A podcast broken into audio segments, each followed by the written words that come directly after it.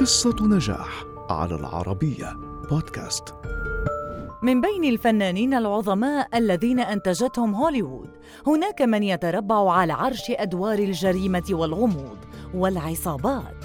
إنه الأب الروحي The Godfather إنه الأسطورة التي يصعب تكرارها في عالم التمثيل آل باتشينو الذي تمكن بمسيرته الممتدة لنصف قرن من حصد العديد من الجوائز. بما فيها جائزة الأوسكار وجائزتا إيمي وأربع جوائز جولدن جلوب ولد ألفريدو جيمس باتشينو في نيويورك عام 1940 لأبوين من أصول إيطالية من صقلية ولم يكن ذلك الطفل السعيد في منزل والديه. وبدأ مبكرا دراسة التمثيل والتحق بمدرسة للفنون المسرحية في منهاتن. وظل محافظا على طموحه في دخول عالم التمثيل وصقل مهاراته تحت إشراف المخرج لي ستراسبرغ وحظي بدوره الأول في عمر التاسعة والعشرين عام 1969 من خلال دور ثانوي في فيلم مي ناتالي. ثم تبعه بدور رئيسي لفت الأنظار في عام 1971 بفيلم The Panic in Needle Park.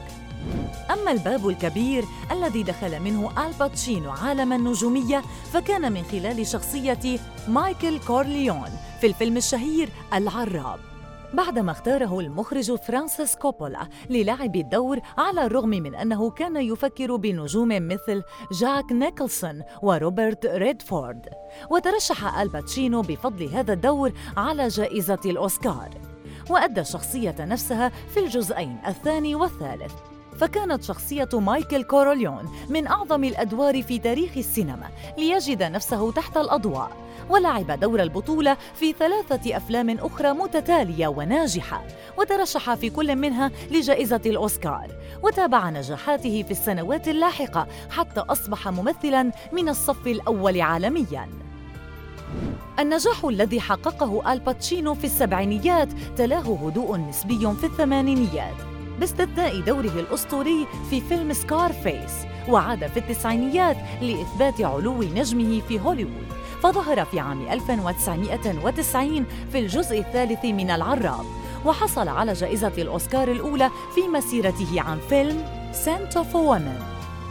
ورغم وصوله سن الستين في عام 2000 لم يخفت نجم آل باتشينو. وظهر في أفلام أسطورية مع مخرجين مميزين مثل كريستوفر نولان في فيلم Insomnia. ولم يهدأ حبه لأعمال شكسبير وللمسرح طوال مسيرته. وعمل مع مخرجين عالميين مثل تارانتينو في فيلم Once Upon a Time in Hollywood.